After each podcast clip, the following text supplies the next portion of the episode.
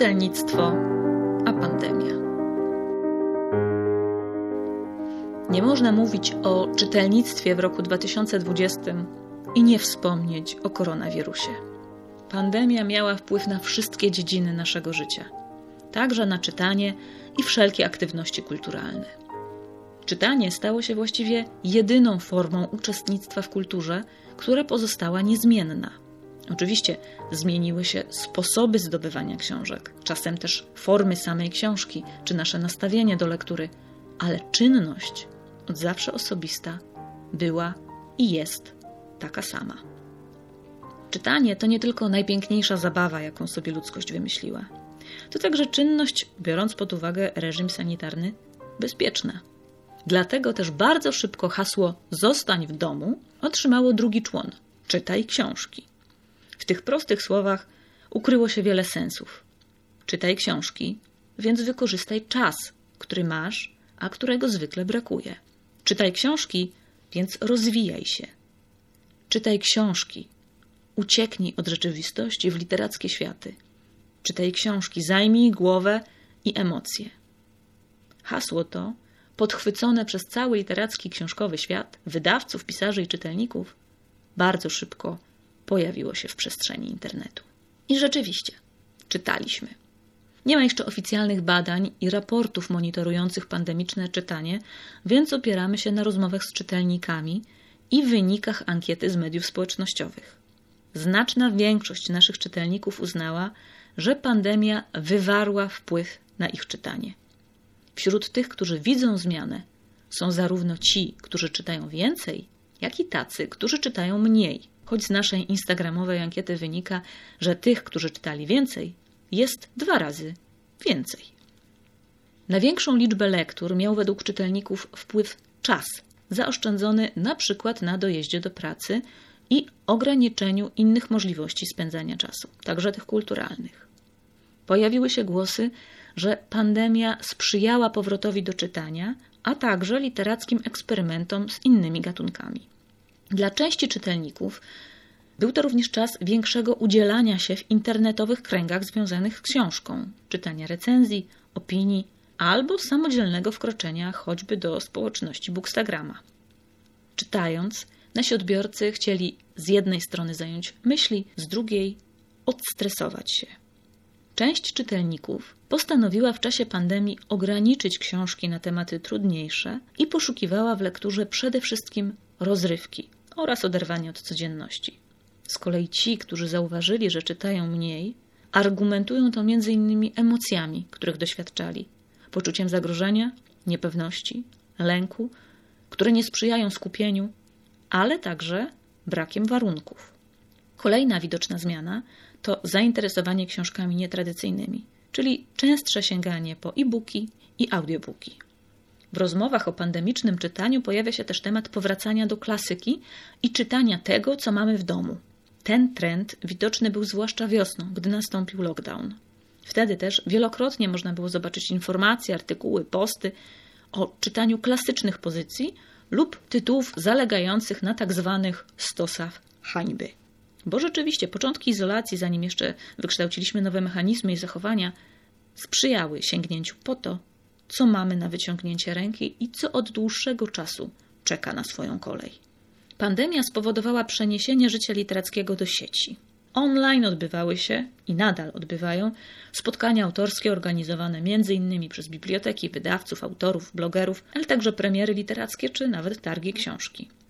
Treści książkowych, spotkań, rozmów, podcastów, czytań jest w sieci bardzo wiele.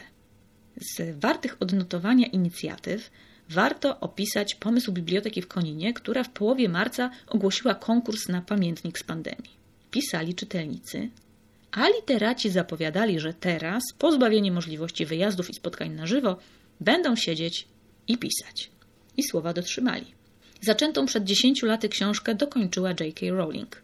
Autorka publikowała fragmenty książki pod tytułem Ikabok w internecie. Z myślą o dzieciach zamkniętych w domu został też zorganizowany konkurs dla czytelników na ilustracje. Polski przekład książki ukazał się w sierpniu. W połowie marca Łukasz Orbitowski i Szczepan Twardoch zaczęli pisać improwizowaną powieść internetową Na zarazę Zarazek. Bohaterem historii jest detektyw Zarazek. Autorzy postanowili pisać na zmianę, po rozdziale i zaskakiwać się wzajemnie kolejnymi wydarzeniami. Książka liczy 45 rozdziałów i jest dostępna w internecie. Część została też nagrana w formie audiobooka. Inną polską akcją literacką było wydanie książki Nadzieja, w której znalazło się 40 tekstów poetów, autorów literatury pięknej i reporterów. Pisali m.in. Olga Tokarczuk, Urszula Kozioł, Magdalena Grzebałkowska, Joanna Bator, Mariusz Szczygieł, Wojciech Chmielarz, Filip Springer i Adam Wajrak. Czy pandemia pojawiła się jako temat książki? Oczywiście. I to zarówno beletrystyki, jak i książek popularno-naukowych. W 2020 roku ukazały się m.in. Prawa epidemii. Skąd się epidemie biorą i czemu wygasają? Czyli opracowanie profesora Adama Kucharskiego dotyczące wirusów i ich rozprzestrzeniania się a także COVID-19, pandemia, która nie powinna była się zdarzyć i jak nie dopuścić do następnej. Autorstwa Debory McKenzie, dziennikarki naukowej, która od ponad 30 lat zajmuje się m.in. zagadnieniami związanymi z epidemią. Spojrzenie społeczne i kulturowe na pandemię proponowali socjolog Sławoj Żyżek, Pandemia COVID-19 trzęsie światem, czy politolog Iwan Krastew w książce Nadeszło jutro jak pandemia zmieniła Europę. Pojawił się też głos ekonomisty Marka Kędzierskiego, autora książki Nie znam się na epidemiach raport z czasów kwarantanny. Temat pojawił się też w reportażu, między innymi przez Chiny w ogniu koronawirusa Adama Millera, który pierwsze miesiące 2020 roku spędził w Chinach, oraz Niewidzialny front Tomasza Rezydenta, lekarza i biotechnologa opisującego początek pandemii z perspektywy lekarza z polskiego szpitala. Nie brak tego tematu także w powieściach. W piekle pandemii to książka Jolanty Kosowskiej o grupie ludzi, na których pandemia ma bardzo duży wpływ. Trzech lekarzy po spędzeniu urlopu w Dolomitach musi zdecydować się, co dla nich i ich najbliższych będzie teraz najlepszym wyjściem z nowej sytuacji. Włoski lekarz wraca do polskiego szpitala, by zmagać się z nieznanym wirusem. Inny włoski medyk wybiera pracę w Bergamo. Trzeci lekarz wraca do Drezna. Różne miejsca na świecie, różne sytuacje, ale te same obawy o zdrowie i życie. Autorka w wywiadach podkreślała, że daty z książki odpowiadają wydarzeniom roku 2020, a informacje dotyczące sytuacji np. we Włoszech czy Niemczech czerpała od znajomych mieszkających w tych krajach.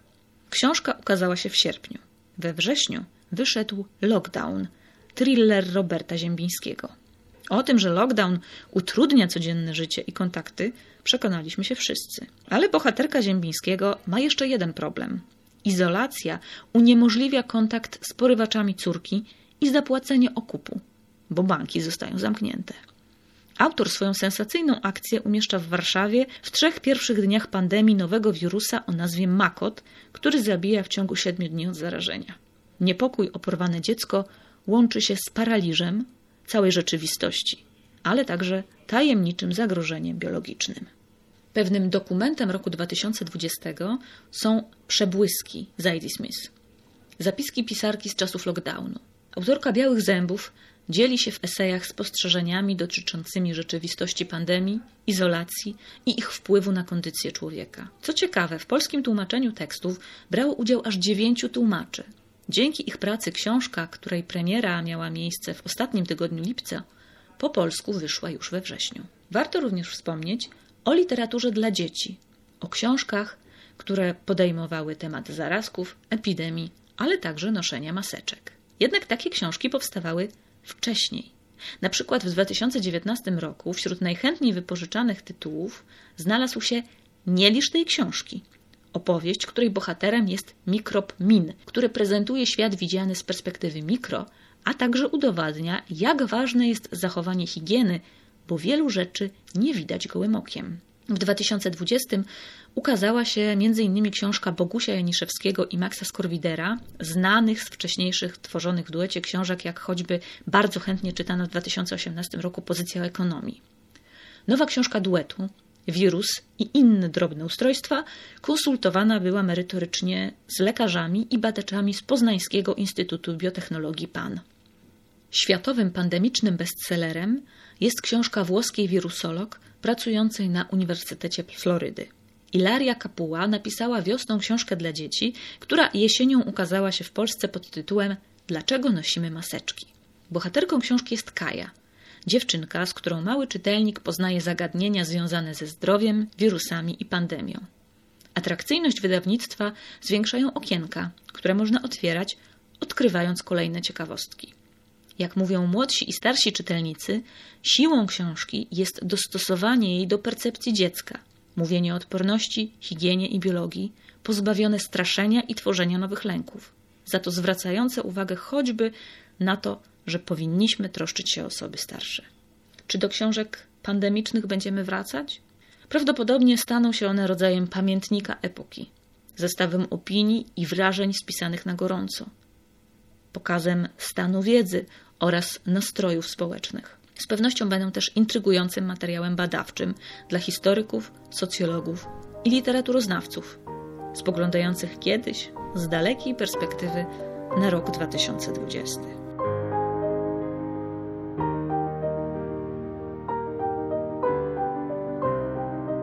A jak z pandemią radziła sobie Biblioteka Raczyńskich?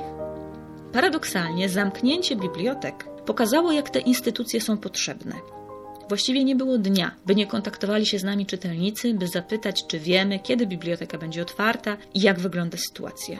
Majowe przywrócenie działalności, choć w dużym reżimie sanitarnym, dowiodło, że czytelnicy czekali na możliwość korzystania z naszych usług. Równie duży entuzjazm odnotowaliśmy po informacji, że przywracamy wolny dostęp do półek. Z kolei, gdy pojawiła się informacja o listopadowym zamknięciu, w ostatnich dniach funkcjonowania pod bibliotekami pojawiły się prawdziwe kolejki czytelników, którzy postanowili zawczasu przygotować się na okres bez możliwości wypożyczania książki. Na szczęście to także siła czytelników i ich udział w konsultacjach społecznych doprowadziła do tego, że biblioteki, jako jedyne instytucje kultury, są dziś czynne. Czas wiosennej izolacji był dla nas, bibliotekarzy, momentem, gdy nie chcieliśmy stracić kontaktu z czytelnikiem. Nasza podstawowa działalność, czyli udostępnianie książek, została wstrzymana, ale staraliśmy się zapewnić czytelnikom odrobinę rozrywki i oferować treści, które mogą zainteresować starszych i młodszych.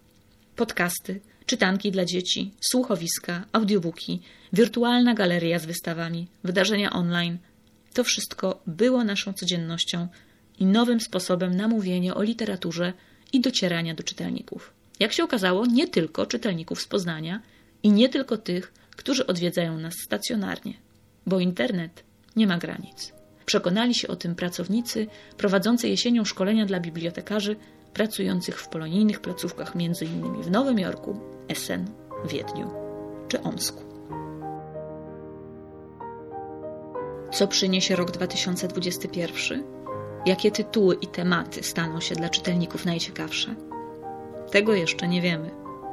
Na razie życzymy Państwu i sobie zdrowia i dobrych lektur.